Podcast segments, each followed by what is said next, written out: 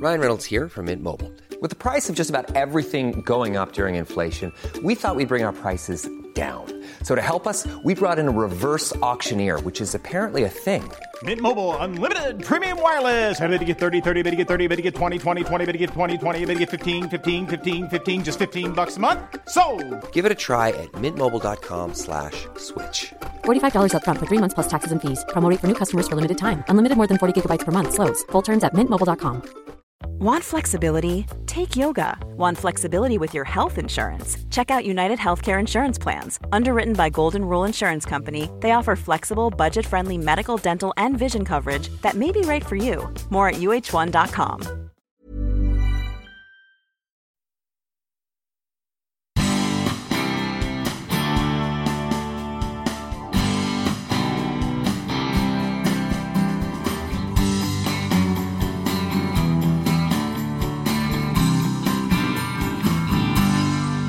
vet man inte om att den här möbelformgivaren eller stylisten som blir intervjuad kanske fick en massa extra möbler när intervjun gjordes för då kom det en lastbil med grejer som tidningen vill få med. Alltså du skrattar nu men det här är liksom verkligheten.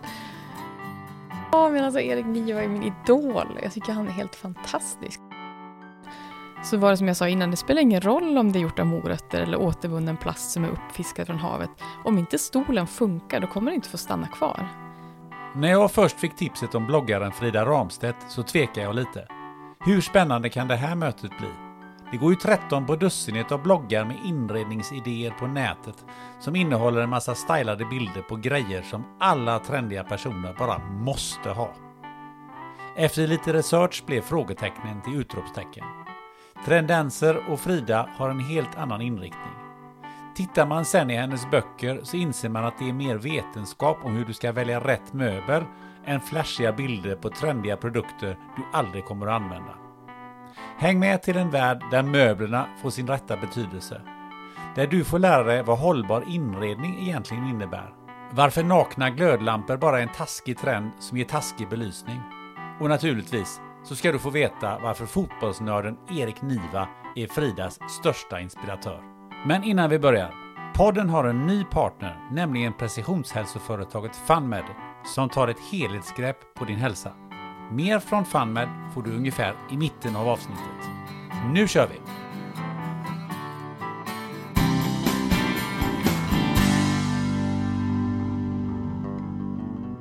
Frida Ramstedt, välkommen till podden Spännande möte. Tack så mycket. Du, ehm, du berättar lite först, var, var är det vi sitter någonstans? Vi sitter i min studio eh, som är en kombination av fotostudio och eh, kontor i Lindome i en gammal fabrik från 1896. Mm. Där det en gång var då ett, ett spinneri. Men det är lite roligt också, för jag jobbar ju med inredning och Lindome var faktiskt en, en hubb för inredning och möbeltillverkning en gång i tiden. Menar du så? Ja, men eh, Lindome är faktiskt kända för sin stol. Och det, var, alltså det här var ju innan man köpte fabrikstillverkade möbler, så köpte man möbler som gjordes av snickare.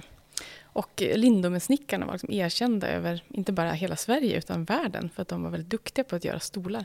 Okej, men, men, men här ska inte du sitta kvar så länge till har jag förstått. Nej, vi har varit här i åtta år, eh, så jag har följt med den här fabriken senast, ja, men det har ju varit en resa från att det var lagerlokaler i princip. När, när spinneriverksamheten lades ner så användes ju fastigheten till allt möjligt annat. Men när jag flyttade in för åtta år sedan så började det dyka upp en del inredningsföretag. Så jag har varit med här nu när det blev liksom som en destination för inredningsbutiker. Men nu eh, ska jag flytta till Kungsbacka. Mhm, varför det då? Därför att eh, ja, men dels har jag varit här i åtta år så jag var sugen på att testa någonting annat. Och sen så uppenbarade sig en jättebra lokal mitt i centrala Kungsbacka. Så vi ska öppna en butik Mm. och komplettera Trendensers digitala plats med en fysisk plats. Men du, ehm, när jag pratade med dig så sa du lite grann att du är inredningsbranschens Greta Garbo. Ja, men jag gillar inte att vara med på kort. Alltså, många tänker sig att man är influencer och jag driver en av eh, Nordens största bloggar om inredning och design. Så tänker man att alla influencers älskar att vara med på bild och filma sig själva och fota sådär. Men jag tycker det är så jobbigt. Och jag har inte valt att skriva om inredning för att jag själv vill vara i centrum. Utan jag vill ju skriva om ämnet och analysera rum. Och då blir det så jobbigt när man måste sätta in sig själv i det där man ska fotas. Och, nej, jag gillar inte alls det där. Men då finns det väldigt mycket bilder om man googlar på dig. Alltså, tycker du? Jag tycker tvärtom att jag lyckas. Det beror på vad man jämför med. Det är klart att det finns fler bilder på mig än kanske med mina klasskompisar som jobbar med helt andra saker. De jag pluggade med när jag var yngre. Men om jag jämför med kollegor i influencerbranschen så finns det nog förhållandevis få bilder jämfört med de som kanske bloggar om sitt liv och fotar sig varje dag.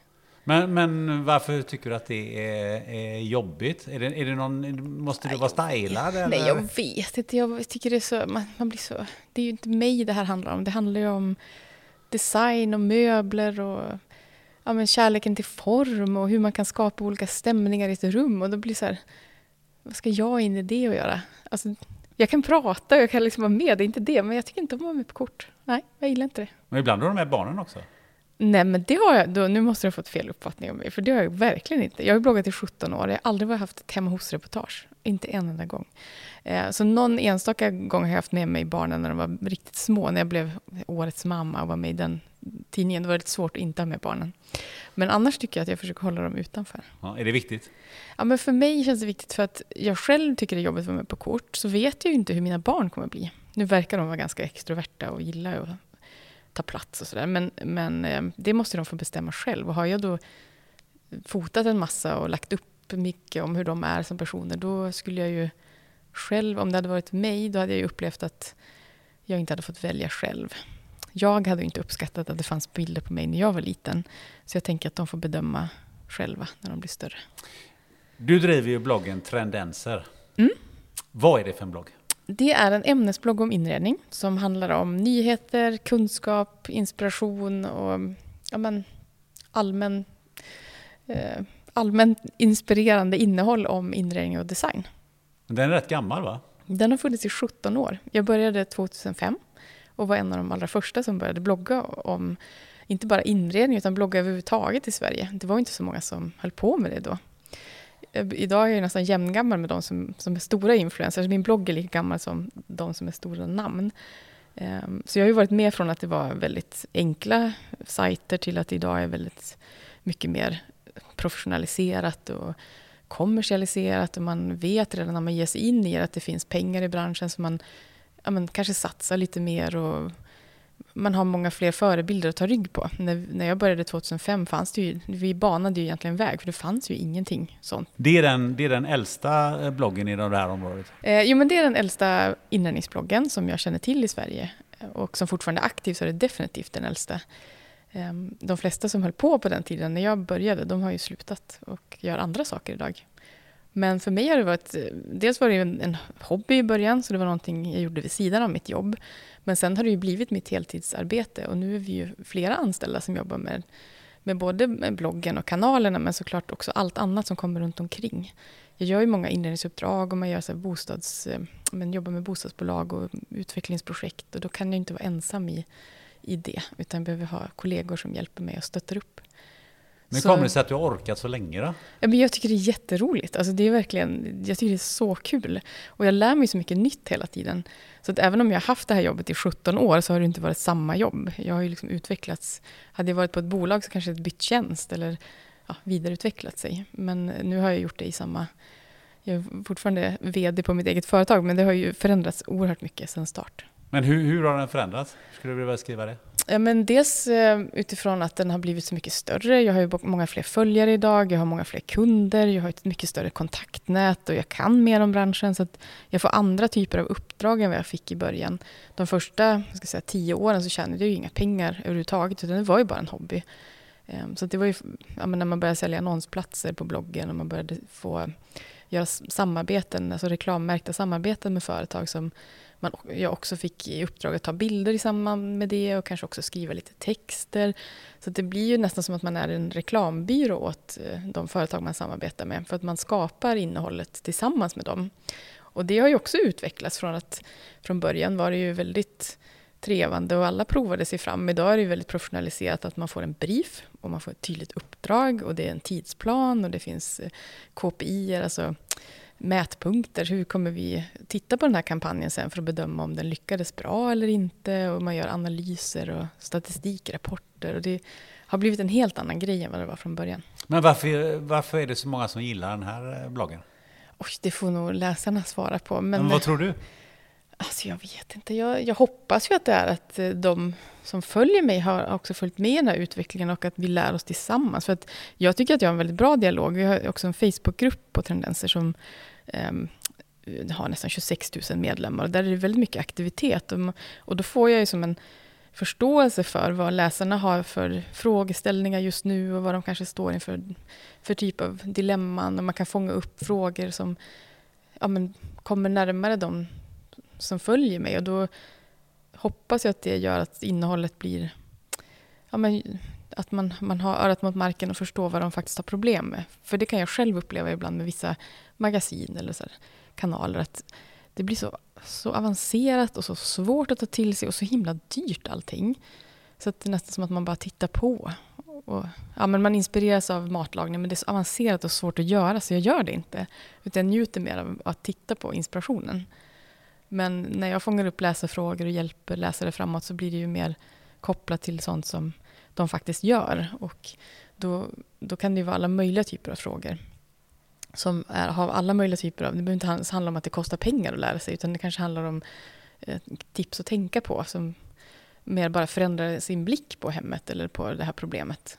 Så du behöver inte köpa något nytt för att, för att lösa det, utan det är mer att ja, men så här kan du också tänka. Och, komma, komma loss med hur du ska placera någonting eller tapetsera eller vad det nu är. För det, det känns som att när man eh, läser eh, bloggen och man, man tittar på en inlägg och så, så är det det, det är inte så en massa bilder och massa... Alltså det, det känns som att det är rätt mycket instruktivt. Ja, men det har ju förändrats de senaste åren. Eh, alltså verkligen sen jag, jag skrev de första böckerna också. Att, jag vet inte hur många som lyssnar på den här podden som känner till bloggen sedan tidigare, men den är väldigt kunskapsinriktad och handlar mycket om att förklara saker. Och då kan man ju tycka att hur svårt kan det vara med inredning? Det vill bara att göra. Liksom.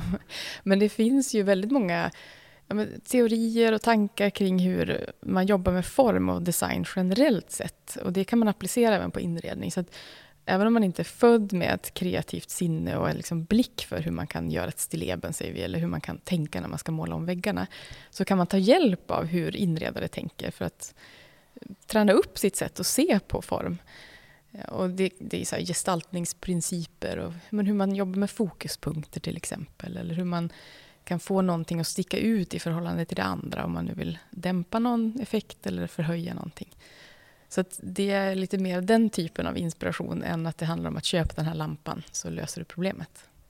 Men är det inte så mycket så att eh, om, man, om man tänker sig som, som influencer att eh, det blir mycket köp det här och så har ja. du det senast. Eh, gör så här så har du hängt med i den här trenden ja. eller, eller sådär. Ja men det är väl egentligen så hela så samhällets eh, upp, eller har varit uppbyggt sista tiden. Att det har handlat väldigt mycket om konsumtion. Att vi identifierar oss med vilka prylar vi äger. Att, att man ska ha det senaste och man ska ha rätt alltså det finns ett konsensus kring vad som är liksom rätt och fel. Och, och då vill man inte avvika från det. Och därför blir man väldigt lyhörd för vad är inne nu och vad är ute nu. Och, och hela journalistiken kring ämnet bygger mycket kring det. Så här, här är säsongens trender, här är årets julpynt. Alltså, det är väldigt... Eh, det finns ett eh, bäst före-datum på mycket och det ska vara på ett visst sätt.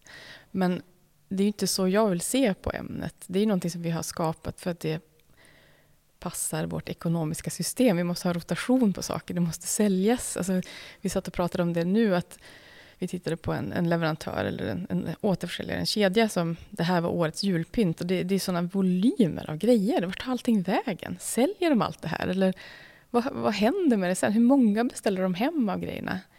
Och sen nästa jul så kommer det nytt och så har man hållit på med det här 17 år. Till slut så känner man att det är väldigt mycket sånt som kommer och går. Men inredning för mig handlar mer om, om stämningar och känslolägen och att med hjälp av en miljö så kan vi försätta oss själva i olika sinnesstämningar helt enkelt. Alltså med hjälp av färg och intryck så kan jag få dig att känna på ett sätt eller helt, helt annat beroende på vad jag väljer. Och det där är ju dels, alltså, det är ju individuellt vad man vill ha hemma. Vissa känner att det är viktigt för mig att mitt hem får mig lugn för att jag har ett ganska hektiskt arbete. Då vill jag komma hem och känna att jag kan sänka axlarna och bara slappna av. Medan andra kanske upplever tvärtom, att jag vill ha, jag har ett väldigt, jag vill ha starka färger och mycket energi och jag vill att hemmet ska eh, ge mig, sätta mig i en stämning som, som sätter mig i rörelse till exempel. För, för att man kanske mår bäst av det. Och då har man ju två olika lösningar på samma problem. Så, eh, men det handlar väldigt mycket om att försöka förstå. Det handlar mer om psykologi, tänker jag då, än om säsongens färg eller vad som är inne och ute. Men det får väldigt lite plats idag.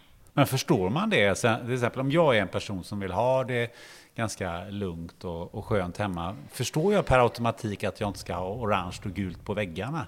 Nej, men hur ska du göra det om ingen pratar om det? Alltså, Nej, det, är det är så här, vi, vi, vi, har ju lärt oss när det kommer till mat till exempel, att här, om jag äter den här typen av mat så mår min kropp så här.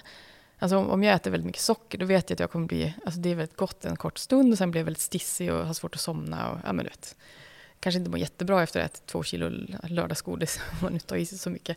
Men medan jag vet att om jag äter en annan typ av mat, att jag äter pasta kanske med någon god sås, då kommer jag, det är en annan typ av comfort food till exempel. Eller om jag äter en sallad så, känns, så får man en annan upplevelse. Där, där upplever jag att många har ändå en känsla för hur olika effekt saker har. Men när det kommer till färg och form och inredning så, jag menar, vi pratar ju bara om säsongens grejer. Vi, vi, vi får ju inga andra intryck än att, att inredningsintresse handlar om att vilja köpa grejer. Eller att, att vara intresserad av design handlar om att ha dyra saker. Alltså design handlar ju om att skapa eh, de bästa förutsättningarna för någonting. Eller att, att, kanske det finns verkshöjd i produktionen av en stol till exempel. Det handlar inte bara om effektsökeri. Men vi pratar ju som... Jag tycker det finns en skev bild av inredning. För att vårt sätt att prata om det har blivit så likriktat. Planning for your next trip? Elevate your travel style with Quince. Quince has all the jet setting essentials you'll want for your next getaway. Like European linen, premium luggage options, buttery soft Italian leather bags and so much more. And is all priced at 50 to 80% less than similar brands. Plus, Quince only works with factories that use safe and ethical manufacturing practices. Pack your bags with high-quality essentials you'll be wearing for vacations to come with Quince. Go to quince.com/pack for free shipping and 365-day returns. Cool fact: A crocodile can't stick out its tongue. Also, you can get health insurance for a month or just under a year in some states. United Healthcare short-term insurance plans, underwritten by Golden Rule Insurance Company, offer flexible, budget-friendly coverage for you. Learn more at uh1.com. Quality sleep is essential. That's why the Sleep Number Smart Bed is designed for your ever evolving sleep needs. Need a bed that's firmer or softer on either side? Helps you sleep at a comfortable temperature? Sleep Number Smart Beds let you individualize your comfort so you sleep better together. JD Power ranks Sleep Number number 1 in customer satisfaction with mattresses purchased in-store. And now save 40% on the Sleep Number limited edition Smart Bed for a limited time. For JD Power 2023 award information, visit jdpower.com/awards. Only at Sleep Number stores or sleepnumber.com. Ja, för det känns ju som att inredning är väldigt mycket grejer. Ja, det är ju det. Och, och det är ganska ja. bra konsumtion på dem, alltså det som du säger, det, det, man gör av med mycket grejer. Ja, och de senaste 10-15 åren så har vi haft en enorm, alltså, enorm konsumtion kring hemmet. Jag kan bara jämföra med min mormor och morfar som köpte ett hus, hade samma inredning under de vad blir det, 50 år som de bodde i det där huset. Eh, och de bytte inte saker, utan de hade den bokhyllan, de hade den soffan de köpte och det var liksom när saker hade varit sönder eller trasiga som man köpte nytt. Medan nu är det mer att eh, ja, men vi bygger kanske två eller tre hus under vår livstid. Ibland ännu fler. Vi, vi byter soffa beroende på den här bostaden kontra nästa. Vi har inte den här långsiktiga tidshorisonten att den här, det här beslutet ska följa med mig och det här är min enda soffa jag köper. Utan det är en soffa till den här platsen eller till den här fasen i livet. Och det tror jag också påverkar hur vi ser på möbler och hur vi värderar saker. Kvalitet till exempel, vad är det egentligen? Är det att, att, att den ska vara då maffig och häftig och passa in och liksom vara en cool pjäs? Eller är det att den håller i 25 år? Jag tror att vi, vi har väldigt olika svar på det idag. Vad, vad kommer det sig att det är som, som det är? Att man vill byta ut grejerna så, så ofta? Alltså det är ju svårt att... Jag kan ju bara gissa, men jag, jag tror att hela den här lågräntekonsumtionen som vi har haft de sista tio åren har påverkat vårt sätt att spendera. Att vi gör, det är mycket mer lättvindigt. Man har inte varit tvungen att spara och gneta ihop till den här grejen man köper, utan man kan ta ett avbetalningslån eller man kan köpa på kredit i 60 dagar. Eller, ja, man lägger upp det på så många olika sätt. Man lånar upp på huset och kan konsumera möbler samtidigt.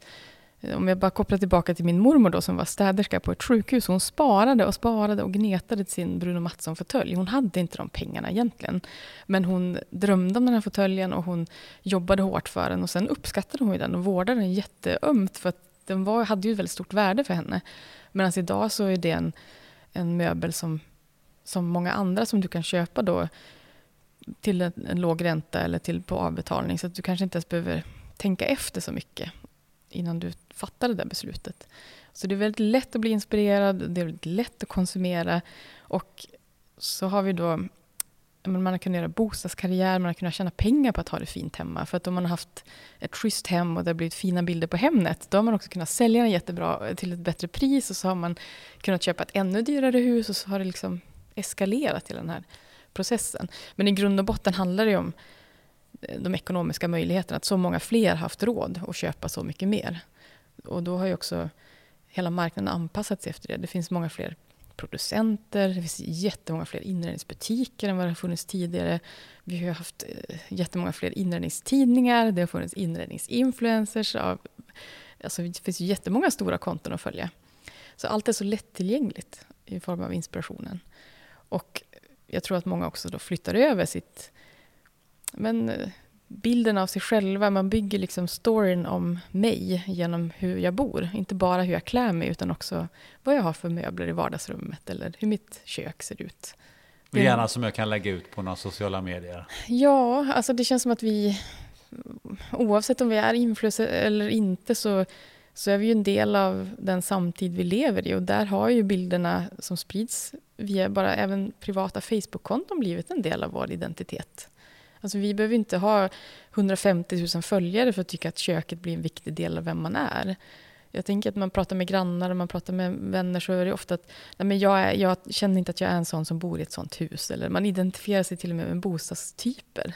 Ja, men jag, jag skulle aldrig kunna bo i, en, i ett radhus. Eller jag, jag skulle aldrig kunna bo i en sekelskifteslägenhet. För att det, ja, så har man liksom en förklaring.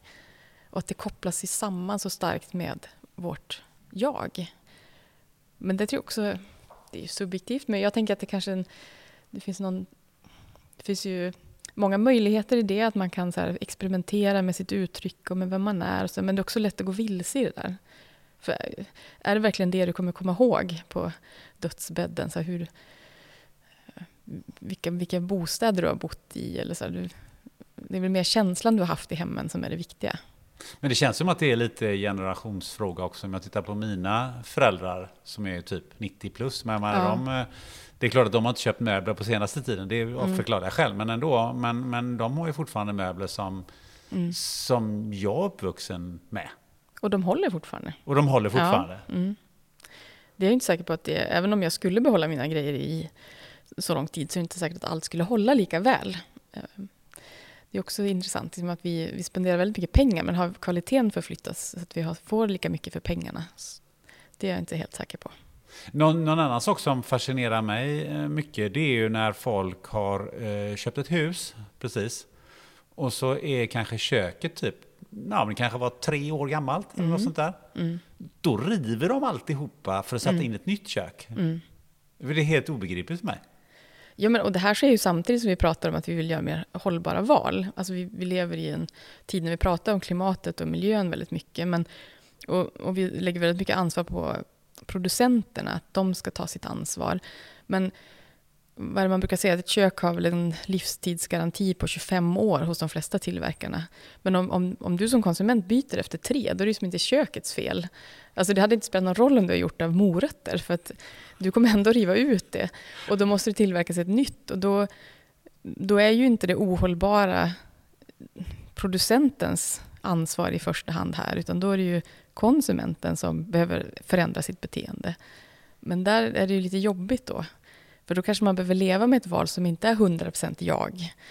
Det där köket kanske inte känns som att det är exakt så som du vill ha det för bilden av hur du vill presentera dig själv. Men då är det där jag tänker att vi behöver fundera på, är jag mitt kök? Alltså, det är ju inte jag. Jag kan distansera mig från det. Så, men nu bor jag här och det här var det kök som, som hängde med huset. Och huset kommer leva eh, under en mycket längre tid än vad min smak förmodligen kommer göra för det här köket. Även om du byter, det är inte säkert att du kommer gilla dem tre år heller, för vi förändras ju hela tiden. Men det finns väldigt lite, skulle jag säga, kritisk journalistik i den här branschen när det kommer till just de här frågorna. Det, det är det jag tycker är spännande nu. Alltså ändå för jag jobbar med det här varje dag och jag, det här är ju mitt levebröd också. Men det jag vill presentera eller förklara det är att jag tror absolut att man kan vara intresserad av inredning. Man kan tycka det är roligt med färg och form utan att för den skull måste köpa saker hela tiden. Man kan förändra, man kan eh, läsa in sig på olika saker. Man kan eh, också hitta acceptans i att ett kök är som det är. Det finns ju andra grejer att jobba med. Det kanske är dukningen du får fokusera på då istället. Eller något annat som du kan experimentera med som är i mindre skala. Men det är ju ohållbart att vi ska byta ut köket om vi inte trivs bara för att det är fel färg på luckorna eller fel bänkskiva. Ja, för att jag kan tänka mig att du som, som influencer och som har uppåt en 200 000 eh, följare på Instagram och så att du, du påverkar ju rätt många eh, människor i, i deras eh, val och hur de, ja. hur, de, hur, de, hur de tänker kring inredning. Ja, det får man väl eh, tänka att man gör på ett eller annat sätt. Um, det är klart att det man visar upp Alltså, om man tänker sig vad betyder ordet influencer? Det är att man inspirerar eller influerar andra. Alltså, det ligger ju i sakens natur om man nu anser sig vara en sån person. Eh, och det är klart att nå jag ut till 200 000 personer eh, nu vet man ju aldrig med den här Instagram-algoritmen hur många som ser saker, men säg att det är hälften, 100 000, det är väldigt många människor. Det är som hela den stan där jag växte upp i, i Umeå. Då hade vi liksom 100 000 invånare. Det är jättemånga människor som tittar på de här bilderna. Det är klart att det finns ett ansvar i vad jag visar upp då. Ehm, vilket är också en annan del av hela den här utvecklingsresan som vi pratade om innan. Att för 17 år sedan hade jag väl inte en tanke på att att det jag tyckte var fint eller fult eller så skulle påverka någon annan. Men idag så måste jag förhålla mig till att jag har faktiskt så här många följare. Och med det så kommer ju också ett ansvar att det jag visar upp fungerar. Alltså, det var under väldigt lång tid som jag la upp saker. Det var väldigt trendigt med nakna glödlampor till exempel. Och jag vet så många gånger som jag la upp de här bilderna och tyckte det var så fräckt. Men ganska snart när jag började läsa om belysning och insåg att men, hela konceptet med belysning går ut på att, alltså att formge ljuset och att lampan ska ge exakt det ljus som du behöver. Då är ju lampskärmen en väldigt viktig del av det. Så det är klart man inte kan ha en naken glödlampa. Man kan dimma ner den så att den blir lite mysig. Men den ger ju inte ett ljus. Då är det inte längre kanske en lampa på det sättet. Eh, men det, och det var ju en insikt för mig att men här har jag ju normaliserat någonting som egentligen inte är särskilt bra. Och, och jag har gjort det för att jag inte har förstått bättre. Det var inte för att jag hade någon annan baktanke, utan jag bara kunde inte mer än så om inredning och belysning. Och ändå fick jag den makten. Och där tror jag vi... Eh, det är nog ganska många som har så många följare som kan... Som borde fundera lite grann på så här, vad det är man delar. För det är inte alltid kanske... Eh, alltså jag säger inte att jag kan mest. Det är, det är de som har jobbat hårdast i den här branschen som har fått flest följare. Eller som har haft tur och gjort rätt. Men det betyder inte att man kanske är expert i ämnet. Och där, där är vi nu, att vi har väldigt många som har väldigt stora konton i alla ämnen egentligen. Alltså det spelar ingen roll om du jobbar med mode, eller om du jobbar med inredning eller mat, eller träning för den delen. Det kommer att ge massa råd, men, men kan de det de pratar om? Eller, så här, eller vad, vi kan, kan vi lita på, på vad som sägs?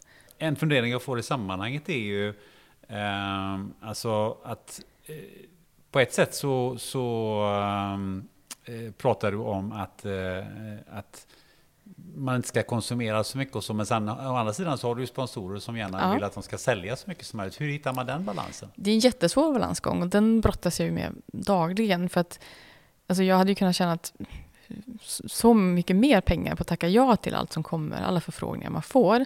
Men jag tror att jag och många med mig gör ju alltid avvägningar. Så här, passar det min profil? Passar det mitt varumärke? Går det i linje med mina värderingar? Alltså, oavsett, för mig är det viktigt då att det ska finnas kvalitet i det jag visar upp, att jag kan stå för eh, jag, menar, jag kan ju inte prata om kvalitetsmöbler och sen inte visa upp en kvalitetsmöbel. Jag vill ju verkligen gör ett urval där. För en annan influencer kanske är andra värderingar. Någon kanske är vegetarian, då kan de inte visa upp köttprodukter såklart.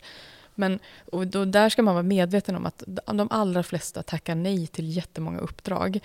Eh, sen måste man ju, eftersom läsaren inte betalar någonting för att eh, ta del av materialet, så måste ju pengar komma någonstans ifrån. Och då har man eh, möjlighet att ta in samarbetspartners.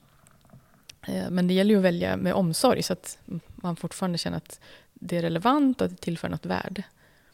Och det är ju en del av jobbet, att hela tiden att göra det arbetet. Men det pratar man inte så mycket Jag säger ju inte vilka jag har valt bort, det vore ju hemskt. Det, det, kanske bra content, men det skulle inte... Så, det vill man inte lämna ut. Så det, den biten kanske man missar som följare. Men det kan jag som influencer gå god för, att det är många som, som inte går igenom och som man faktiskt tackar nej till. Eller kan det vara så här att kontinuiteten och att du har hållit på i 17 år, eh, att du har klarat det och att du, att du har den följarskaran du har, eh, också att du har varit trogen mot, eh, mot dig själv och mot det du står för?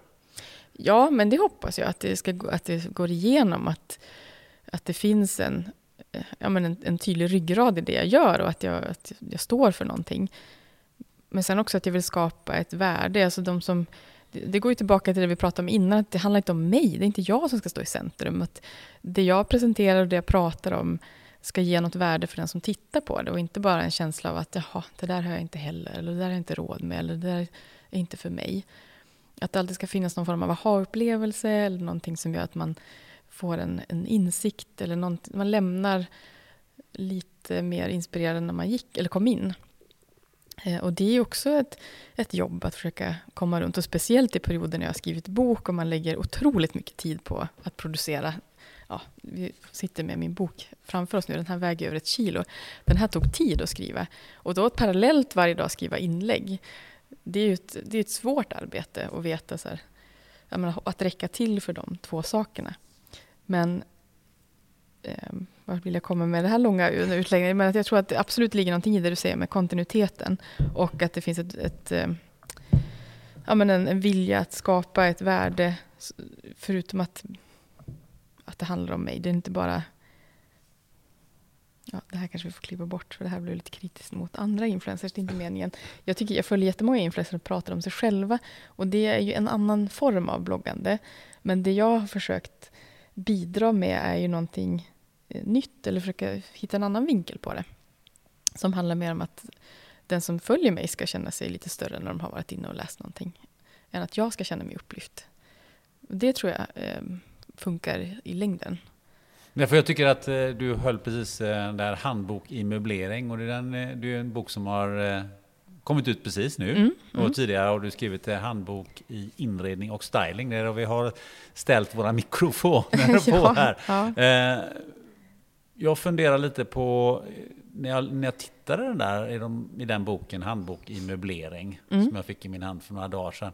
Eh, ser du, det, det är väldigt hardcore om, eh, om hur en stol ska vara konstruerad och sådär. Och det är, inte, det är inte direkt några flashiga bilder på massa stolar och sådär i, i, i eh, boken. Så det följer ju bloggen på, på det sättet. Men, mm. men Eh, vad är din tanke med, med de här eh, böckerna?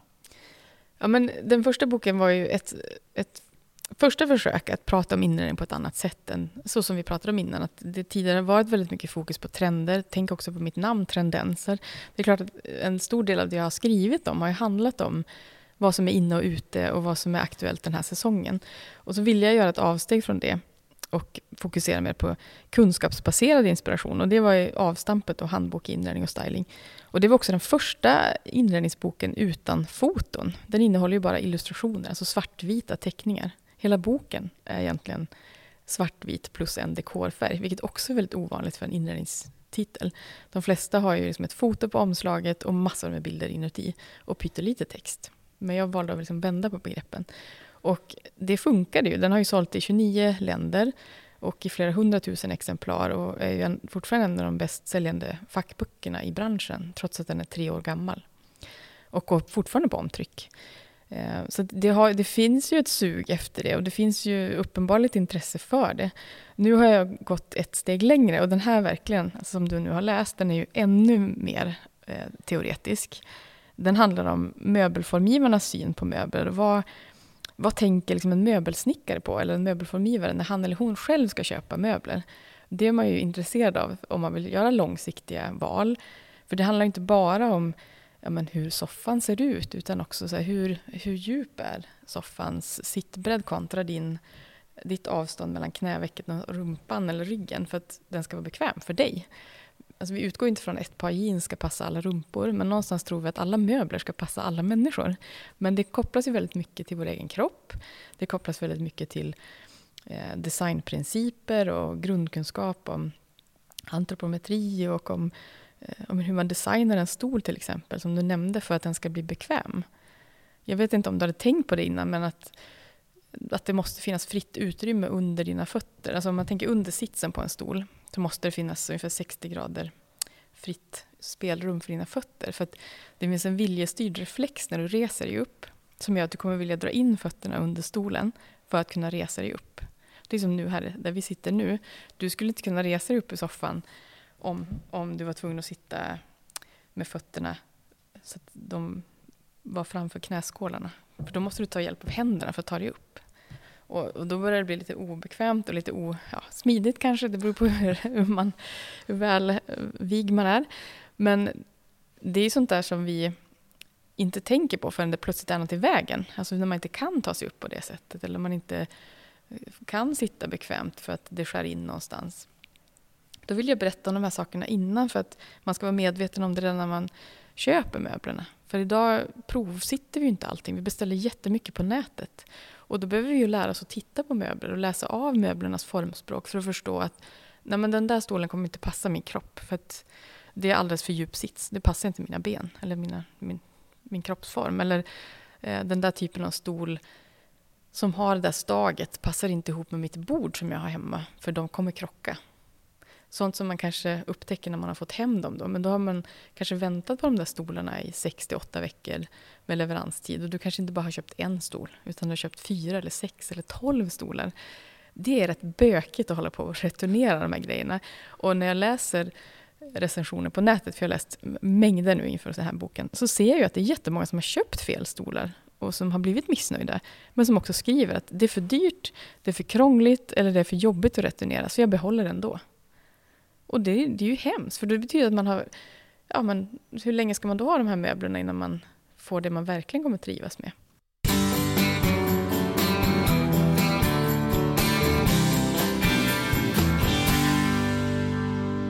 Peter Martin, du är ju läkare på precisionshälsoföretaget eh, Och som jag har förstått det så får jag ett individuellt program där jag troligtvis får både lägga om min kost och min eh, livsstil. Och det är ju rätt jobbigt att jag ska behöva göra allt detta eh, själv. Är det inte lite enklare att bara ta eh, några piller varje dag? jo, absolut.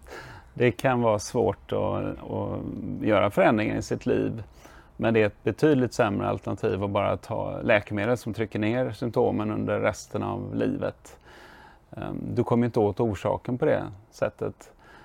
Hos oss på FunMed får du dessutom tillgång till ett team av eh, funktionsmedicinsk läkare och hälsocoach som hjälper dig att göra den här omställningen till ett liv där du faktiskt kan bli av med dina besvär. Saknar du någon som tar helhetsgrepp om din hälsa? När du tecknar FunMeds medlemskap så ser vi hela dig.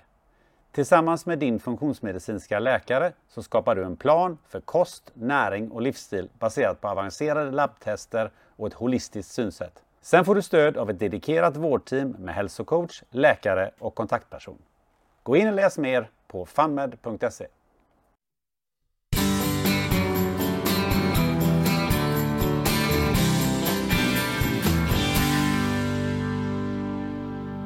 Hur många av dagens eh, möbler följer de här, eh, den här, de här grundprinciperna? Ja, nu skulle jag vilja sticka ut hakan och säga att det är i alla fall långt ifrån alla som gör det. Och sen är det klart, det finns kanske ja, men det finns ju 10-20-tal olika punkter att tänka på. Vissa är mer viktiga än andra. Eh, men, men ta bara en sån enkel sak som att ryggen behöver luta lite bakåt för att den ska bli bekväm att sitta på. Så kan du med en enkel okulärbesiktning på en valfri e-handel se att det är väldigt många stolar som har 90 graders rät vinkel. Alltså det är inte bekvämt. Och sitsen eh, har inte den eh, Eh, formen längst fram mot knävecket. Alltså när du sitter på stolen så ska det vara mjuk rundning fram mot eh, ditt knäveck för att annars så kommer det trycka mot de här känsliga blodkärlen som du har under benet. Och det kommer du se att det är jättemånga stolar som har vassa kanter och eh, en rak rygg. Då. Det blir ju jätteobekvämt i kombination.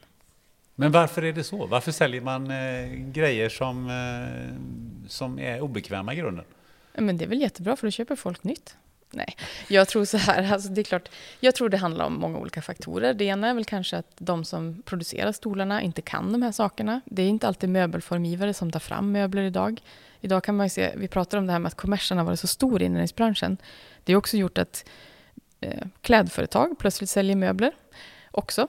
Eh, gardinföretag eller gardingrossister har plötsligt 40% möbler i sitt sortiment för att det är en jättebra affär. Eh, det, de som säljer bildelar har möbler och inredning i sin en liten avdelning. Men det är ju inte alltid de har en möbelformgivare anställd för den sakens skull. Många åker kanske till, ja, som inköpare till Asien och så finns det en fabrik som har hyfsat ja, men ett, liksom ett urval av modeller att välja på, så modifierar man dem och byter och ändrar lite grann och så kallar man det sin egen design. Men har man då inte kunskap om att vår antropometri i Skandinavien skiljer sig från antropometrin i Asien. Antropometri? Vi, alltså kroppsmåtten. Aha, okay. De generella kroppsmåtten i Sverige är annorlunda än de generella kroppsmåtten i Japan. Eh, jämfört med till exempel de generella kroppsmåtten i USA. Vi har liksom olika... De absolut längsta människorna till exempel bor i Holland eller Nederländerna. Eh, så de har den högsta eh, genomsnittslängden där. Och den här, alltså den här datan får man ut när man mäter värnpliktiga till exempel. Då kan man få, upp, få ut ett ungefärligt hum. Men det diffar på några centimeter. Och det beror dels på att man tror då att vi har ju ätit olika under lång, lång tid. Det kan också finnas andra geografiska fördelar med olika kroppsformer och sådär. Eh, men vi ser olika ut i olika delar av världen eh, generellt. Eh, genomsnittligt. Och då blir det ju lite vanskligt om man åker till en annan världsdel och köper stolar som är anpassade efter deras mått. Tar in dem till Sverige och inte kollar om då de måtten stämmer mot våra svenska bord till exempel.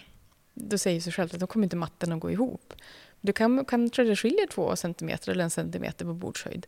Och bara en, en sån liten centimeter kan göra att man höjer axlarna och spänner hela kroppen för att man sitter.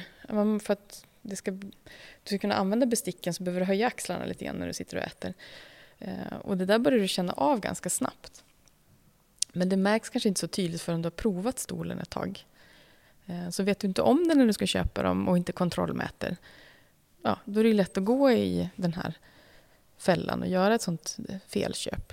Så, ja. men, men om jag eh, som konsument eh, kanske inte um, orkar mäta eller sätta mig in i alla detaljer. Finns det någon sån där eh, grundregel på att ja, men, köp eh, eh, möbler utav den här typen av tillverkare, den här typen av eh, designer? Eller finns det någon sån här, eh, finns det någon sån här grundregel jag kan gå efter? Ja, men du kan alltid sitta i en Bruno Mattsson-stol eh, eller vad, vad, vad kan man säga generellt? Alltså det, det, är klart att det finns jättemånga duktiga formgivare och leverantörer. Jag ska inte säga att jag rackar ner på alla så sätt. Men det finns faktiskt avvikelser i alla prisklasser. Det ska man vara medveten om. För det finns ju också olika typer av sittande. Alltså, du sitter på ett sätt när du sitter vid ett matbord och ska äta middag. Du sitter på ett annat sätt när du sitter vid ett skrivbord och ska jobba. Det tror jag många har märkt nu under pandemin. Att man kanske börjar jobba vid kontor, eller man flyttade kontoret till matbordet. Och så inser man att den stolen och det bordet man har där funkar inte för datorjobb, för att det är lite för högt och ja, man har inte samma ergonomi där. Så det är svårt att säga ett generellt svar, men det är klart att de som har utbildade möbelformgivare anställda på sitt företag har en större sannolikhet för att skapa kvalitetsmöbler. Och vi har massor med sådana duktiga leverantörer i Sverige. Men om man väljer att köpa från en, en lågpriskedja som kanske där man kan tänka sig att de kanske inte har den traditionen eller kunskapen, så är ju sannolikheten större att det avviker från, från de här kunskaperna som jag presenterar här. Ehm, och då behöver man ju själv som konsument vara påläst. Att man, inte, man kan hitta jättebra grejer där också. Men man kan tyvärr gå på nitar och det är de jag vill att man ska kunna värja sig för själv så att man får lite så motgift. För det är så lätt, tänker jag, när man sitter och tittar på bilder, det ser så fint ut och, och så kanske man kollar till och med på någon så här inredningsstylists hem eller när det kanske är någon så här hemma hos-reportage hos någon känd person. Och så ser man en kombination av möbler och tänker där får, så där kan jag göra, då blir det ju rätt.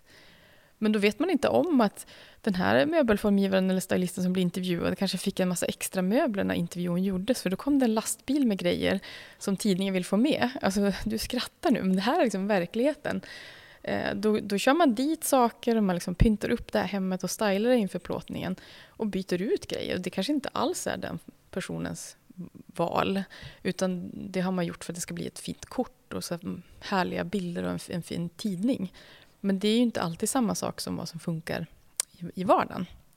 Och det där kan man också så navigera kring, för så jobbar vi ju i modebranschen hela tiden.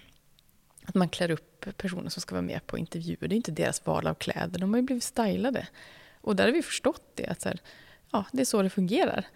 Och jag förväntar mig inte att så här, en, en bikinimodell som ligger i, i solnedgången och ser så här härligt ut, att det kommer att se likadant ut på mig. Men när det kommer till inredning så har vi liksom inte den vi pratar inte om det. Så man utgår ifrån att så här, men det är så personen har det hemma.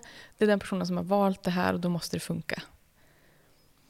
Eh, så ett tips på det temat är att kolla på hemma hos-reportagen. Många gånger tar man bort lampan över matbordet för att den blir i vägen på omslaget av tidningen. Eller man kanske flyttar på stolar eller ställer saker annorlunda bara för att det ska bli en fin komposition i bilden. Så man behöver förhålla sig lite mer kritiskt och ifrågasättande. Någonting jag funderar på eh, när jag sitter här och tänker. Eh, vi har ju eh, en jättestor möbeltillverkare som heter IKEA. Mm. Hur duktiga är de i allmänhet på det här? De är jätteduktiga. De ska verkligen ha cred för att de jobbar med kunskap och att de har möbelformgivare som också jobbar med möbeltester. Alltså de låter ju prova sina möbler för att de ska hålla ett visst antal år eller tåla ett visst slitage. Det gör ju långt ifrån alla möbelproducenter. Så när jag säger lågprismöbler så menar jag inte per definition alla, utan det är mer... Alltså, är det rimligt att den här möbeln kostar så här mycket? Eh, ta en soffa till exempel, som är ganska så här, dyr och komplex möbel. Är det rimligt att den här soffan kan kosta 3 000 kronor? Vad, vad, har fått, vad har man snålat in på för att komma ner till den summan? Det kan ju vara i Ikeas fall då att man gör väldigt, väldigt många soffor och då kommer man ner i volympris. Um, sen har ju de såklart ett stort utbud, så alla kanske var ett dåligt exempel, för de har ju en, en, både dyra och billiga möbler. Men det handlar mer om att förhålla sig till den enstaka produkten man tittar på och försöka sätta den i ett sammanhang. För idag tror jag vi... Ja, men vi har inte lärt oss hur man ska förhålla sig eller tänka kritiskt kring möbler. Jag tror det är första gången för många som man får upp ögonen nu för att vadå, är inte alla stolar stolar? Då kan man inte sitta på alla stolar. Jo, man kan sitta på alla stolar, men man sitter inte lika bekvämt på alla stolar för att de är formade på så olika sätt. Och då är det bra att veta. I boken så ger jag ju en snabb checklista på saker att tänka på när man ska köpa stol. Ehm, och har man med sig det, då är det lite lättare att prova ut och ha med sig den här blicken när man väljer. Vad är det vanligaste misstaget vi gör när vi går in i ett eh, möbelvaruhus och köper möbler till hemmet? Alltså jag skulle säga att det första vi gör är att vi inte går in i möbelvaruhuset utan vi handlar på nätet, vi handlar hemifrån och eh, tänker då kanske mer på hur sakerna ser ut och hur de matchar inredningen, inte hur de matchar vår kropp.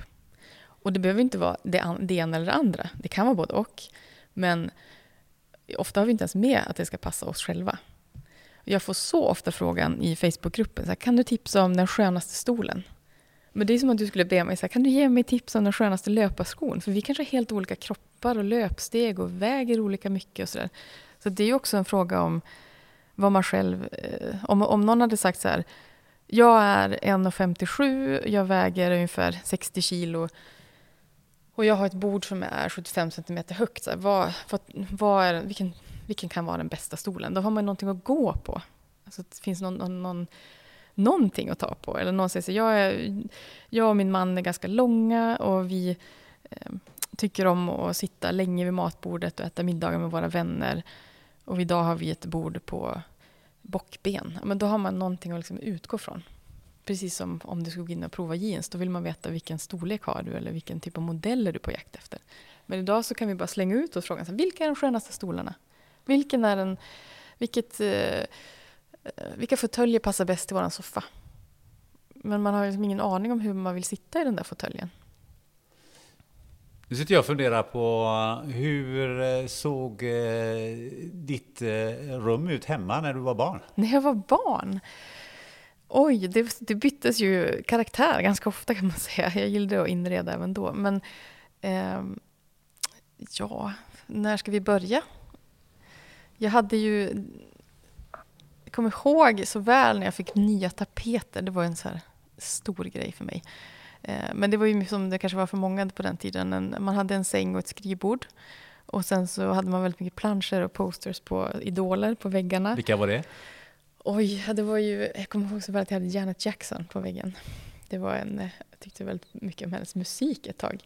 Sen hade man en stor spegelvägg, det var också viktigt på 80-talet när jag växte upp. Ehm, och det var mycket gardiner och tyger, överkasten var viktigt. Så, ja. Det var rosa och vinrött en period. Det var ljusblått en period.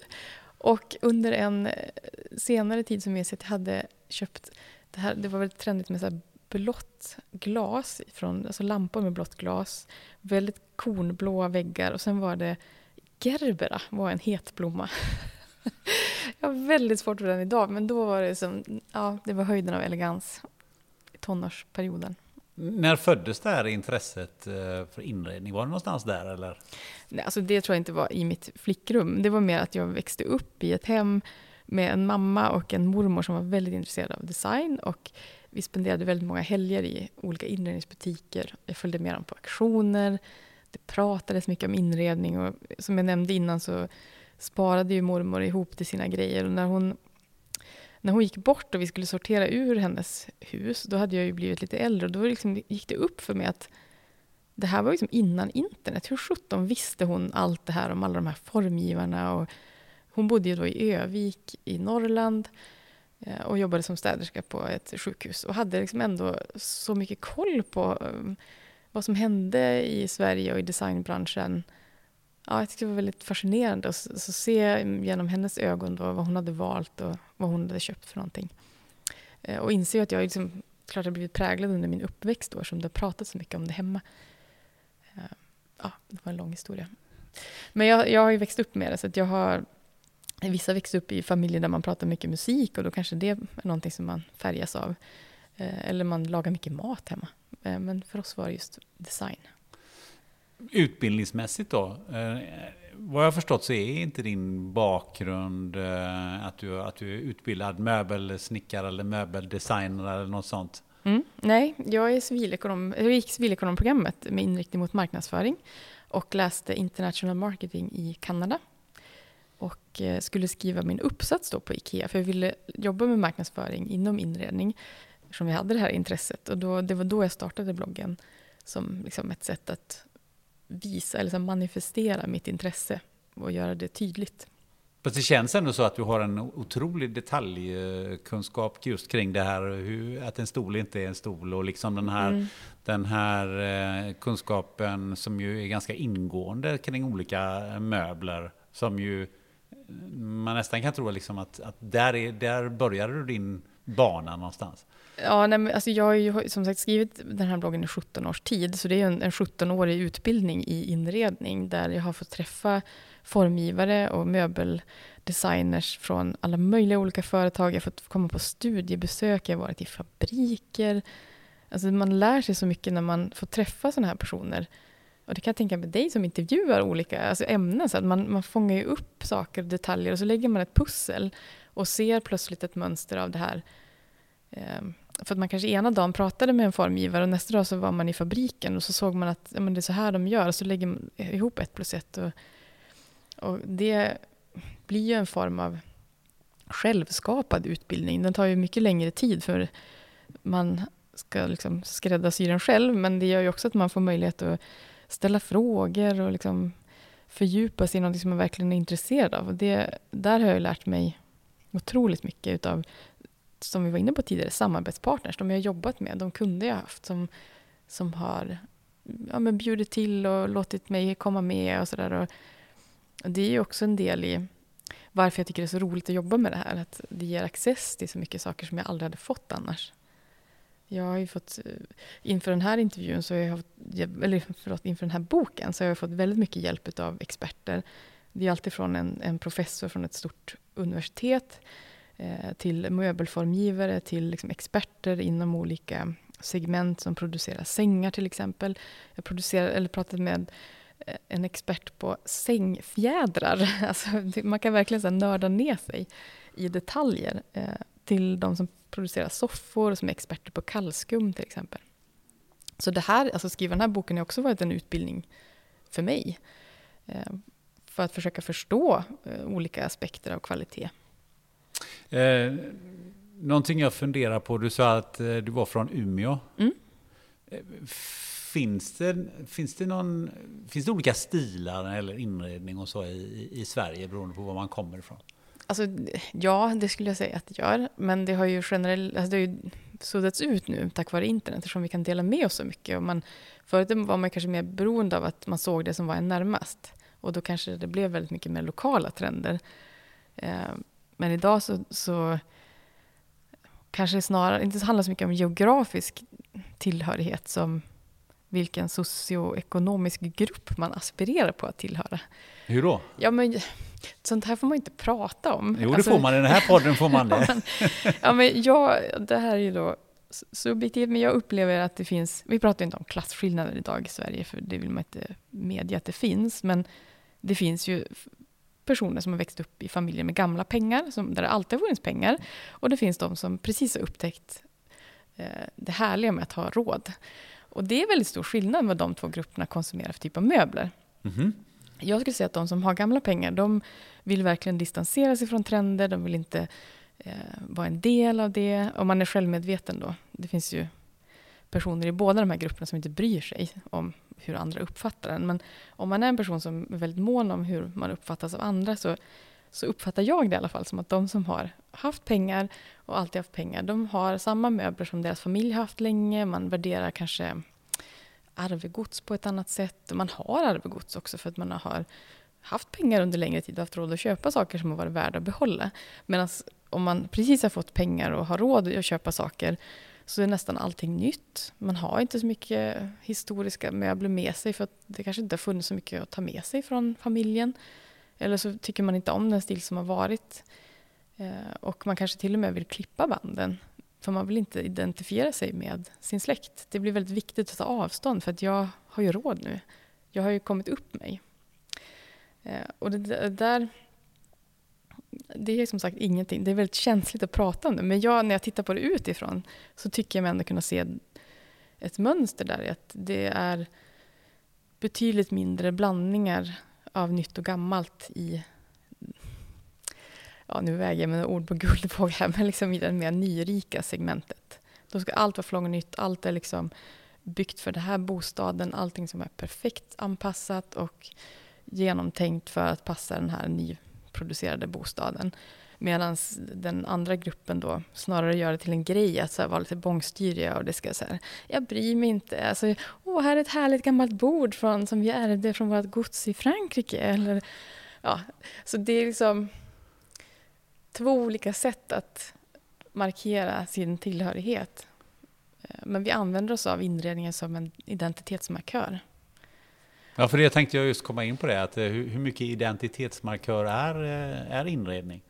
Men jag, jag tror det har blivit extremt viktigt de senaste åren för att vi bjuder in varandra till våra hem på ett annat sätt. Alltså, jag har ju man blev inte inbjuden i folks sovrum förr. Alltså man kanske var hemma hos någon, så blev, man hade runt, promenerade runt och tittade på hemmet, kanske man visade upp delar. Men det var ju väldigt sällan man gick hela vägen in i sovrummet och visade lakanen. Och så har vi de här eh, påslakanen och örngotten. Alltså, idag är vi ju mycket mer transparenta och vi, eh, ja men tack vare då Facebook och Instagram och eh, ja, olika typer av sociala medier så, så blir det mycket lättare och man tänker inte efter på samma sätt tror jag som om man skulle göra det rent fysiskt.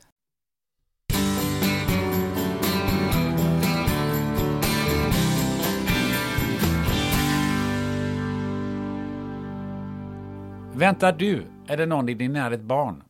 Ja, då kanske ni har funderat på om det finns en sannolikhet att fostret har en kromosomavvikelse.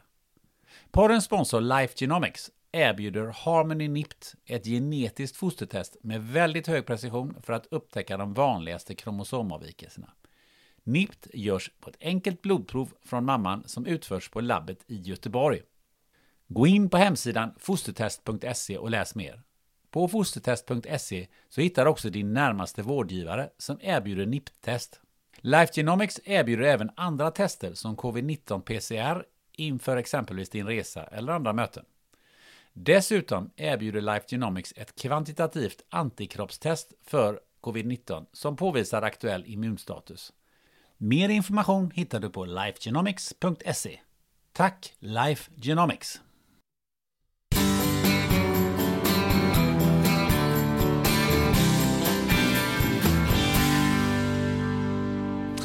Vi var inne på det här med eh, ja, till exempel mina föräldrar och, och eh, deras eh, möbler som ju de delvis har sedan sen jag var barn nästan. Um, och, och, det är ju så att de kommer ju falla ifrån ganska snart för de är så pass gamla. Men, men eh, vad gör man utav alla de här möblerna som som faktiskt berövar, för det känns väldigt hemskt att bara slänga dem bara för att man inte eh, behöver dem eller för att men, man inte vill ha dem eller... Du får inte eh, slänga dem, förlåt jag avbryter, men det får du absolut inte göra. Nej men alltså, nej, Och hur nej, kan jag nej. integrera... jag visste att jag slängde in en brandflackare. Nej men så här, hur kan jag... Eh, hur kan jag också integrera dem i mitt, i mitt eget hem?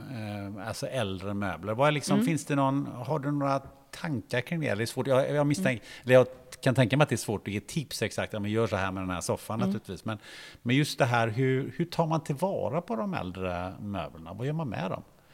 Ja, men först och främst ska jag säga att det finns två olika sätt att ge råd kring det där. Det ena handlar ju om estetik och det handlar om funktion. Rent estetiskt så kan ju, så finns det massa olika knep för att eh, skapa harmonis, ett harmoniskt intryck i ett hem som ändå är brokigt. Eh, det kan ju vara så att man till exempel har helt olika stolsmodeller runt ett bord, men man väljer att ha dem i samma färg eller samma träslag, så ger det ändå ett enhetligt intryck för ögat. Eh, Eller du kan tänka att du ställer möblerna i juxtaposition. Du kanske har ett supermodernt hem. Vilket position sa du? Eh, juxtaposition kallas det för, att de framhäver varandras kontraster. Då kan det till och med det kan liksom framhäva dina moderna möbler att ställa in ett äldre bord och att ha moderna stolar runt omkring. För då liksom lyfter de varandra. För det blir väldigt mycket tydligare för ögat då att det ena är nytt och det andra är äldre. Så att det blir liksom någonting effektfullt av att blanda. Eh, där man inte hade fått samma resultat om, om bord och stolar hade tillhört samma stilepok till exempel. Så rent estetiskt finns det ju olika knep för att komma runt eh, det man kan uppleva som svårmöblerat för att det är två olika stilar till exempel. Eh, sen kan det vara lättare med vissa solitära möbler att ta in dem. Eh, för när möbler, jag brukar säga att möbler är lagspelare, men det blir ju också- uppenbart då när det kommer till stols och sitthöjd kontra bord till exempel. Då kanske det är lättare att spara en byrå. För den kan stå och vara för sig själv och den behöver inte passa ihop med dagens moderna mått för att den, den är en komplett i sig själv. Så då kan det ju vara att du funderar på vilken typ av möbler är lättare att ta in hemma. Det kanske är svårare att ta in på bordet för att det har ett annat funktionellt mått än, än det andra möblemanget hemma. Och då kanske byrån är enklare eller en, en enstaka solitär fåtölj kan vara lätt för det kan stå i sovrummet som en, eh, Eh, en fåtölj som du ställer, lägger av dig dina sängkl- eller kläder på när du ska gå och lägga dig till exempel. Det kanske inte är en fåtölj som har ett aktivt sittande. Så f- där kan man också fundera på det. Men det viktigaste är ju affektionsvärdet. Vilka möbler är din mamma och pappa? Vilka möbler är det som får med sig härliga minnen från din barndom eller det som kanske inte längre finns kvar om man nu ska rensa ut sitt familjehem till exempel. Då, då tycker jag man ska lägga det praktiska åt sidan och istället känna efter. För det spelar ingen roll vilka råd jag ger, det är ju ditt hjärta du ska lyssna på. Och då, då gör man plats för det som är viktigt. Det är väl också ett råd? Att följa ditt Ja, hjärta? men det är. Ja, och, och lyssna in. Alltså gud, är det någonting jag ångrar när jag rensade ut? För att det var alldeles för liksom... Man, man tröttnar ju till slut när man har gått igenom ett helt hem. Vi hade ett som trevåningshus som skulle tömmas. Eh, så de här sista lådorna, då är man liksom, vill man bara bli klar. Men det är också där och då man fattar de här kanske besluten man ångrar i efterhand. Så här, varför, åh, varför gjorde jag mig av med det där? Så för att värpa upp inför en sån här utrensning. Så här, titta på gamla kort. Alltså gå igenom gamla fotoalbum och så här, titta igenom så här, vilka, och försök tänka efter vilka minnen du har. För när du står och sliter i de här lådorna och ska liksom packa och greja, då kanske du inte har hjärtat med dig. Så försök göra det jobbet innan. Så att du har liksom tänkt igenom och resonerat med dig själv. Så vilka saker minns jag? Vilka saker eh, tycker jag om? Vilka saker skulle kunna passa in? Eh, att jobba med inredning och möblering eh, är ju också väldigt mycket inspiration. Mm. Var får du inspiration någonstans ifrån? Oj, från allt möjligt. Alltså, det kan ju vara såklart Instagram och Pinterest, för att det är väldigt lättillgängligt. Men det kan också vara klyschigt, men så här, en film. En, eh, duktig scenograf som kanske har jobbat upp eh, en vacker miljö eller som har satt någonting i en ny kontext kan ju också ge väldigt mycket så visuell inspiration. Eh, men jag skulle också säga att böcker och att prata med formgivare som har jobbat länge har varit en enorm inspirationskälla för mig de sista fem åren. Ehm, det är så otroligt mycket fokus på nya formgivare och på nya talanger. Och så glömmer vi bort de som har liksom ägnat ett helt yrkesliv åt att formge möbler. Som har massor med kunskap att prata om och eh, dela med sig av. Men som på något sätt marginaliseras för att de närmar sig pensionen. Men det är då vi ska liksom suga tag i det här och verkligen få reda på allt sånt som innan ja, men de kanske gör någonting annat och, och ägnar sig åt eh, att gå och spela golf och göra någonting härligt på pensionen. Så där känner jag att i det ledet har vi otroligt mycket att hämta som är också outforskat för att vi lägger så mycket tid på formgivarna som är precis på väg in i branschen. Och sen så har jag läst mig till någonstans att eh, det finns andra inspiratörer som Erik Niva. Ja, och då, blir här, då blir jag extremt nyfiken. Ja, men alltså Erik Niva är min idol. Jag tycker han är helt fantastisk. Alltså, För de som inte vet vem Erik Niva är så är han ju då fotbollsnörd får man ändå säga. Har ja. en podd som heter Brentwood Kings och jobbat mm och jobbar fortfarande inom sporten på Aftonbladet. Mm. Så där har ni gra, gra, grundsättningen när det gäller sport och fotboll framför allt. Då. Så varför är han en inspiratör? Ja, men dels för att jag tror att vi delar det här genuina intresset för ett ämne. Alltså, man kan inte jobba med fotboll på det sätt som han gör utan att vara lite mer intresserad än genomsnittet. Och han kan så mycket detaljer och han sätter saker i ett sammanhang. Och det är det jag tycker också så, det jag saknar i min egen bransch, alltså vi, vi kan prata om design och vi kan prata om eh, möbelikoner, men vi sätter dem inte i en kontext. Det här togs fram under andra världskriget. Hur såg, hur såg tillvaron ut då? Och hur kom det sig att man ja, men i det sammanhanget prioriterar de här materialen till exempel? Alltså det, det där tillför en extra dimension som gör att jag som egentligen helt ointresserad av fotboll tycker att det blir väldigt spännande. För att jag kan liksom leva mig in i det här. Och det där är vi såklart olika, men för mig så det ger mig så mycket saker att kroka upp tankarna på. Och det inspireras jag väldigt mycket av i hans liksom, retorik och hur han, hur han jobbar. Um, och jag önskar att jag någon gång kan bidra med det perspektivet i inredningsbranschen. Alltså jag, han har ju hållit på länge, och, och, så det kräver ju sin övning. Men jag tycker det är väldigt, uh, ja, det tillför någonting nytt. För, för mig fick det en koppling. Jag fick ju liksom ihop det här när jag kollade i den här boken, handbok i möblering. Och sen så någonstans läste jag att du hade Erik Niva eh, mm. som någon sån inspiratör. För, för den här boken är ju, om man verkligen vill veta hur man ska välja stol. Ja, men det, det, hoppas jag att den ska vara. Jag förväntar mig inte att någon ska läsa den här boken från A till Ö, för det är ju mer som ett uppslagsverk. Alltså när du ska köpa en stol, läs kapitlet om stolar först. Eller när du ska slå till på en, den här soffan och vill fatta ett eh, beslut som ska hålla länge. Ta dig tiden och läsa avsnittet om soffor, för det kommer göra att du ställer andra frågor till säljaren i butiken. Du kommer titta efter andra detaljer. Eh, så det är ju verkligen en sån... Alltså den första boken var ju som sagt teoretisk, men den här är liksom über. Du kan ju ha ihjäl någon med den här, för den är så pass tung. Men det som också tycker är intressant med den här boken, om jag får liksom bläddra lite igen, det är tidslinjen. För just som jag sa där innan, att eh, Erik Niva är väldigt duktig på att ha historiska referenser. Och när jag skrev den här boken om möbler så insåg jag att det finns väldigt mycket om skandinavisk design och vad som har präglat vårt designspråk som vi inte pratar så mycket om och som vi nästan håller på att glömma bort. Eh, och det dök upp när den första boken översattes till 29 språk och alla journalister frågade om skandinavisk formgivning och vad som utmärker våra möbler. Och jag kände att jag kan inte svara på det. Alltså jag, jag har inte tillräckligt på fötterna för att kunna säga att det är det här som har påverkat oss. Men då bestämde jag mig för att göra en djupdykning och började läsa om vår historia och insåg just att ja, men Sverige hade den sämsta boendestandarden i hela Europa i början på 1900-talet. Jag hade ingen aning om det. Vi har liksom en, jag har ju läst om alltså att det var många som emigrerade till USA, men jag hade inte förstått vidden av det. Vi tappade nästan 1,4 miljoner invånare. Alltså Sverige var ju på den tiden mycket mindre än vad det är idag. Det var en enorm förlust av befolkning för att vi var så missnöjda med våra bostäder, med vår standard. Vi hade inte mat, vi hade inte jobb. Så det pyrde ett enormt missnöje och en, det fanns en längtan efter någonting bättre.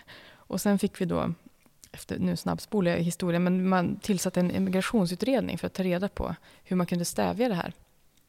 Och där började liksom resan för det svenska folkhemmet. Och när man ser tillbaka på det så undrar jag, så är det de som for till USA, var det de som gjorde den största resan eller var det de som stannade kvar hemma? För från 1900-talets början till 1970 så tog vi oss från den sämsta boendestandarden till den bästa i hela världen. Och det skedde ju med en mängd reformer, med en mängd politiska satsningar, med forskning kring möbler, med standardiseringar. Man, vi hade inget standardmått för sängar till exempel, alltså i början på 1900-talet, eller fram till ska säga, 40-50-talet så hade vi inte det. Vi sov jättedåligt i Sverige. Vi sov liksom byscher och så små extra sängar och sovfåtöljer och i kökssoffor. Eh, och då gjorde en man som heter Erik Berglund, det här var ju en statlig process såklart, men han fick i uppgift att göra en, en sängutredning för att ta reda på hur svenskarna sov och hur vi kunde göra det bättre. Och då följde den här standardiseringen som idag gör att vi har 90 sängar. Vi har en standardmått för kuddar, standardmått för täcken. Eh, och sen så gjorde man en köksutredning för hur man skulle konstruera köken så att de blev mer ergonomiska för hemmafruarna. Man gjorde en stols och skåp och förvaringsutredning och man införde ett möbelinstitut i Sverige.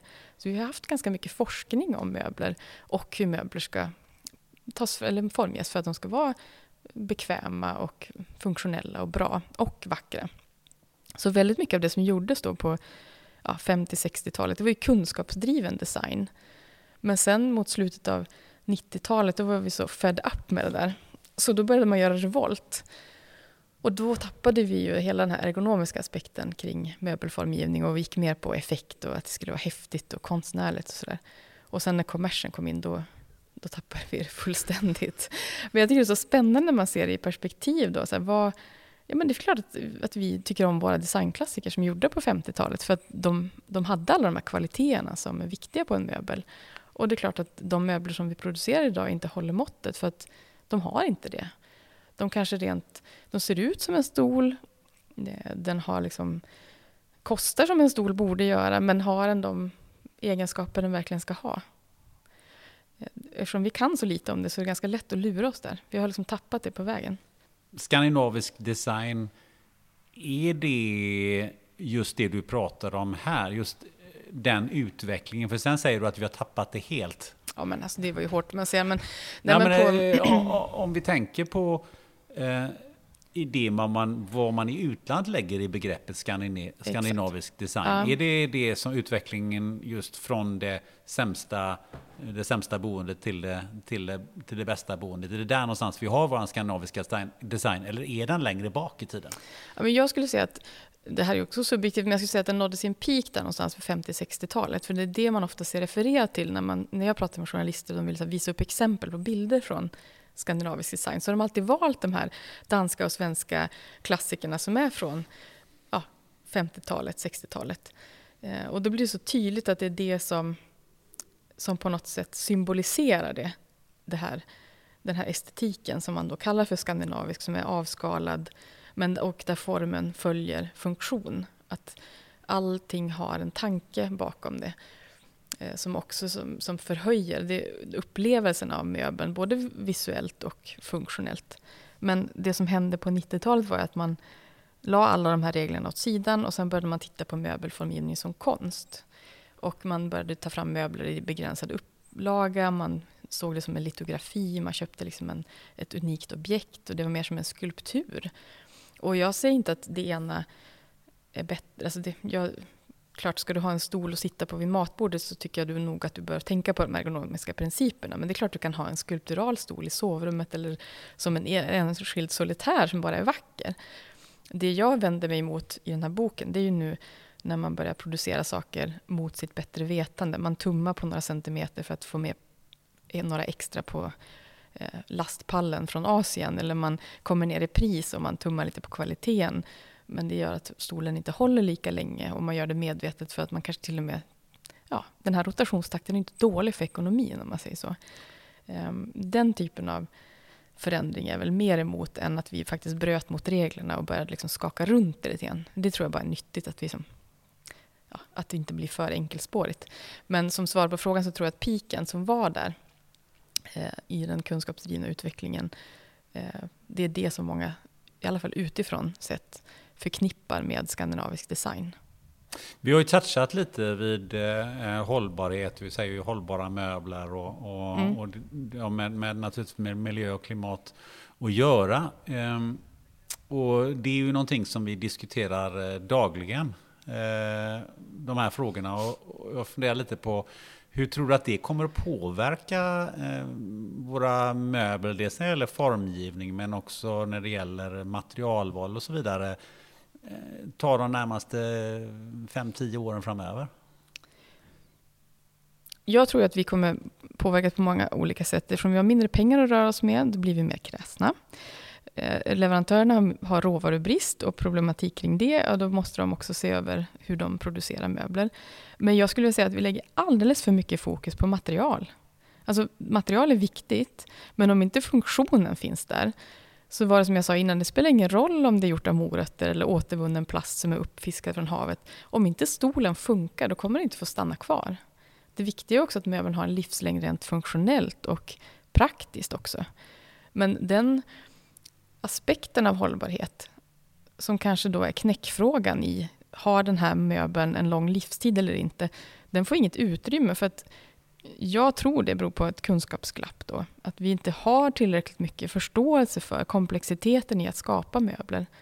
Vi tänker att det är lättare att göra det än... Vi, vi underskattar värdet av möbelformgivarna. Vi underskattar behovet av bra snickerikunskaper, även om vi har maskiner som ska tillverka dem. Vi ska ju ändå tänka ut lösningarna eh, och förstå de liksom, svaga punkterna i möbeln så att, den, så att vi kan lista ut det. Det kan ju inte maskinen göra åt oss. Vi måste ju någonstans programmera den så att den gör det åt oss. Eh, så där är det ändå viktigt att, att lyssna till de som faktiskt kan. Och det, tillbaka till det vi pratade om innan, att de som har då kanske 40 års erfarenhet av formgivning så sällan kommer till tals och att det snarare handlar om de allra färskaste namnen. Eh, så ska vi göra en perspektivförskjutning där så tror jag vi har mycket hållbarhetsvinster att göra.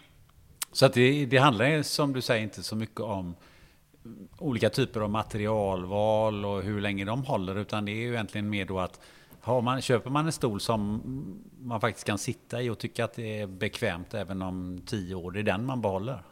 Alltså, det är ju lite svårt att säga att material är oviktigt. Det är det ju inte. Plast är ju inte bra till exempel. Alltså, all plast är inte bra för att mycket är gjort av petroleum och oljebaserade eh, fossila material som är ändliga. Så det är klart att vi måste tänka på vad vi gör sakerna av.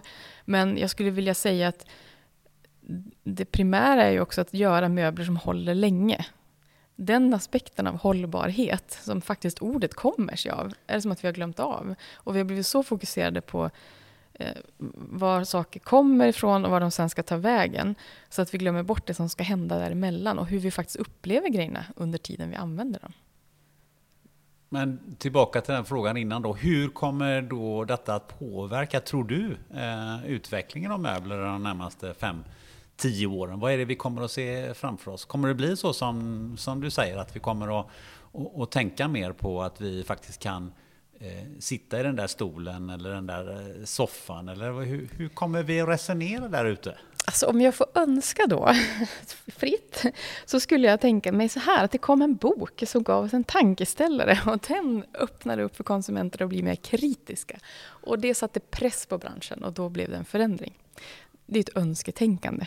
Men jag hoppas och tror att vi av många olika anledningar, för att vi kommer ha mindre pengar att röra oss med, för att vi förhoppningsvis kommer ha eh, mer, ett mer ifrågasättande perspektiv, för att vi också kommer ha mindre möjligheter att producera, som vi var inne på med krig och råvarubrist och allt vad det har varit, eh, så tror jag att det liksom är liksom en perfect storm för att vi kommer bli mer kräsna konsumenter. Vi kommer inte gå med på vad som helst. För nu när vi inte kan tänka att den här soffan är bara för den här lägenheten eller det här boendet, utan det kanske till och med måste vara för 20 år. Det är klart du kommer vara extra noga med vad du väljer. Så att om man ska tänka positivt, så även om det är jobbigt med höjda räntor och dålig ekonomi, så tror jag att det finns något som är väldigt bra för miljön. För det gör att både du och jag och den som ska göra saker till oss måste göra det mer noggrant.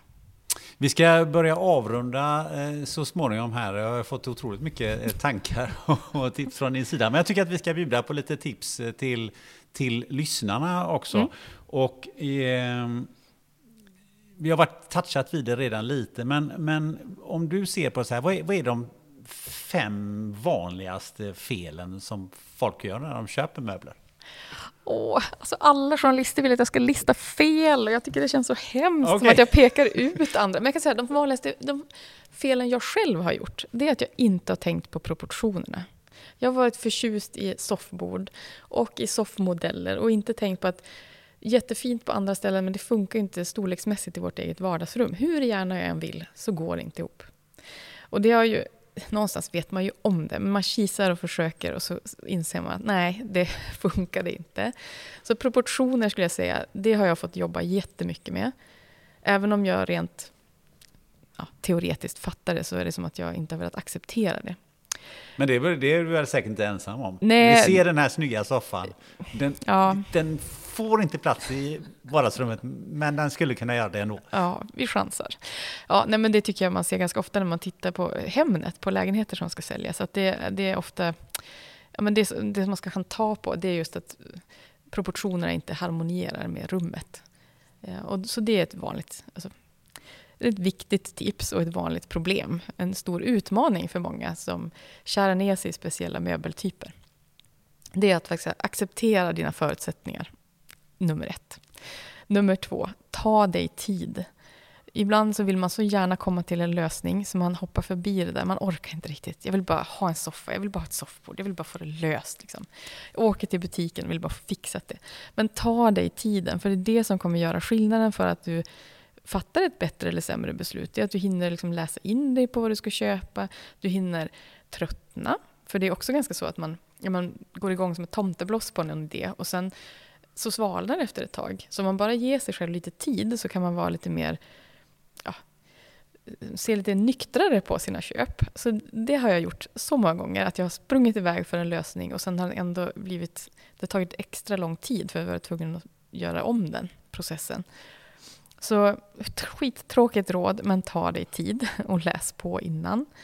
Eh, Nummer tre, syna möblerna i sömmarna. Alltså titta ordentligt. Alltså om du ska köpa en soffa, då, så här, vad syns under tyget? Vad finns det egentligen i, in, alltså i kärnan? Ska man köpa en bil så är man ju intresserad av vad som rör sig. Alltså vad finns det under motorhuven? Vad har den för liksom, egenskaper? Men när man ska köpa en soffa är det inte alltid man kan svara på vilken stomme det är, vilken eh, stoppning det är, vilken fjädring det är. Och ändå är det sådana viktiga aspekter för om möbeln kommer hålla länge eller inte. Så det skulle jag också här, ge ett råd. Att verkligen syna möblerna ordentligt i sömmarna och ställa här, obekväma frågor. Alltså, kan de inte svara på vad stommen är gjord av, då är det ju inte i en möbelbutik som tillverkar bra grejer. Utan de, de duktiga formgivare, de som jobbar med som säljare i, av kvalitetsmöbler, de kan svara på sådana frågor. Um, vad ska vi säga mer? Belysning är ju jätteviktigt och det tänker man ju på så här års när det är mörkt. Att här, du behöver nog ofta mer lampor än du tror. Och nu när vi har, ska spara på el och man släcker ner, då blir det ofta väldigt tydligt att rummen krymper när man inte tänder upp. Eh, och det kan vara en liten ljuskälla bara som gör att du, ser din, du förlänger din siktlinje. Så tänd en liten lampa i ett rum som du inte är i men som du skymtar. Har du en trädgård så kan en liten lampa på utsidan göra att du ser mycket längre och du upplever att rummet är större. Och det, den principen funkar ju både liksom utanför hemmet och i hemmet. Lysa upp hörn, lysa upp på olika nivåer i rummet eh, och se till att man har belysning på fler ställen. Det tycker jag personligen är det svåraste. Ja, det är ju Alltså ljus. Och... det är knepigt, men det är också väldigt roligt när man får till det, för det gör sån skillnad. Har du några mer tips? Femte och sista tipset, det är att inte söka så mycket inspiration utifrån, utan faktiskt lyssna inåt. Vad tycker du om? Vad är det som gör dig lycklig och får dig att känna hemkänsla och trygghet? För trygghet tror jag är en väldigt viktig eh, känsla när det kommer till hemkänsla. Och då kan ju det vara så himla olika. Men att man gräver lite mer i sitt eget minne och funderar på vilka situationer har jag känt den här känslan jag vill sträva efter? Vad är det som har satt den stämningen? Eh, vad finns det för associationer till olika färger? Det finns ju väldigt mycket färgforskning som säger att blått gör dig lugn och eh, rött ger dig energi. Men så kan det ju vara så att du har legat på sjukhus i ett rum som var blått och då tycker du inte alls att det är så härligt. Så att, att man får så här, fråga sig så här, vilken är min favoritfärg och varför är det det? Vilken färg blir jag lugn av? Vilken färg blir jag kanske stressad av eller förknippad med mitt jobb eller förknippad med sjukdom eller oro? Alltså att man vågar och orkar, skulle jag snarare säga, ställa sig fler frågor om hur man själv reagerar inför olika saker och material eller träslag eller kulörer än att man frågar vilken färg som gäller den här säsongen. Vilka material ska vi ha nu? Det är ju helt ointressant. Det viktiga är ju vad du tycker om och vad du känner att du liksom trivs med. Och det kan inte jag berätta för dig. Det blir mitt sista tips. Då måste jag ställa den frågan, du sa, eftersom du sa sjukhus och sjukvård. Och då funderar jag på varför måste väggarna på sjukhus vara sådär, eh, om man uttrycker sig rent och rakt, pissgula och så hänger ingenting på väggarna och så är det väldigt eh, entonigt och så är det ganska deprimerande, alltså liksom hela det här. Är det så himla svårt att måla i en annan färg eller göra något annat? Jag, jag, jag, jag har inte förstått varför det är så. Har du förstått det? Nej, det enda jag kan tänka mig är att det ska vara så tråkigt så du ska vilja därifrån. Nej. Nej, jag tror det finns en praktisk, säkert någon så här tanke om att eh, vitt är ju inte, det håller sig inte vitt, utan det ska vara någon slags eh, förlåtande pigmentering. Men jag håller med dig, jag har spenderat en del tid på sådana där miljöer. Det är ju sällan man känner sig piggare av inredningen. Där finns det mycket att jobba på. Där och, finns det mycket att jobba mm. på. Um, Ja, nu har vi suttit här och pratat i snart en och en halv timme. Du hade sa, sa någonting eh, kring en timme kan vi prata med. Jag tycker att tiden har gått rätt fort. Ja, men det har den verkligen gjort. Hur har det här känts? Jo, men det var jättekul att ha dig här. Spännande samtal. Vem tycker du jag borde intervjua i den här podden? Men det svaret är ju självklart. Erik Niva. Erik Niva, ja. det är din önskegäst. Ja. ja härligt. Eh, om man, eh, slutligen, om man vill få tag på dig eh, och, ställa frågor till dig eller kanske ha det som företagshållare eller vad det nu må vara, vad kollar man? Trendenser.se är hemsidan och bloggen. På Instagram finns också ett konto som heter Trendenser man kan följa där jag postar eh, inlägg och sen finns det ett ett systerkonto som heter Trendenser Education. Om man bara vill ha hardcore eh, inredningskunskap så är det mitt bästa tips. Vill man kontakta mig så är det bara att skicka ett mejl och då finns de mejluppgifterna på hemsidan. Mm. Det är ganska lätt att komma i kontakt ja. med dig har jag förstått. Ja. Ja. Ehm, Frida Romstedt, ett stort, stort tack för att du ville vara med i den här podden. Tack för att jag fick vara med. Du har lyssnat på det 133 avsnittet av podden Spännande möten. Gillar du podden extra mycket? Ja, då går du naturligtvis in på Patreon.com och söker på Spännande möten.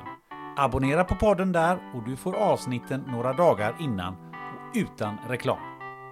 I nästa avsnitt så ska du få träffa en tjej som kallar sig våldscoach. Mer än så säger jag inte just nu, för jag har inte gjort den intervjun ännu och jag har faktiskt ingen aning vart det samtalet kommer ta vägen. Men ett spännande möte, det blir det garanterat. Tills dess så vet du vad du gör. Sätt dig med en vän, ta något gött att dricka och fundera på om ni verkligen har köpt rätt soffa. Ha det gött!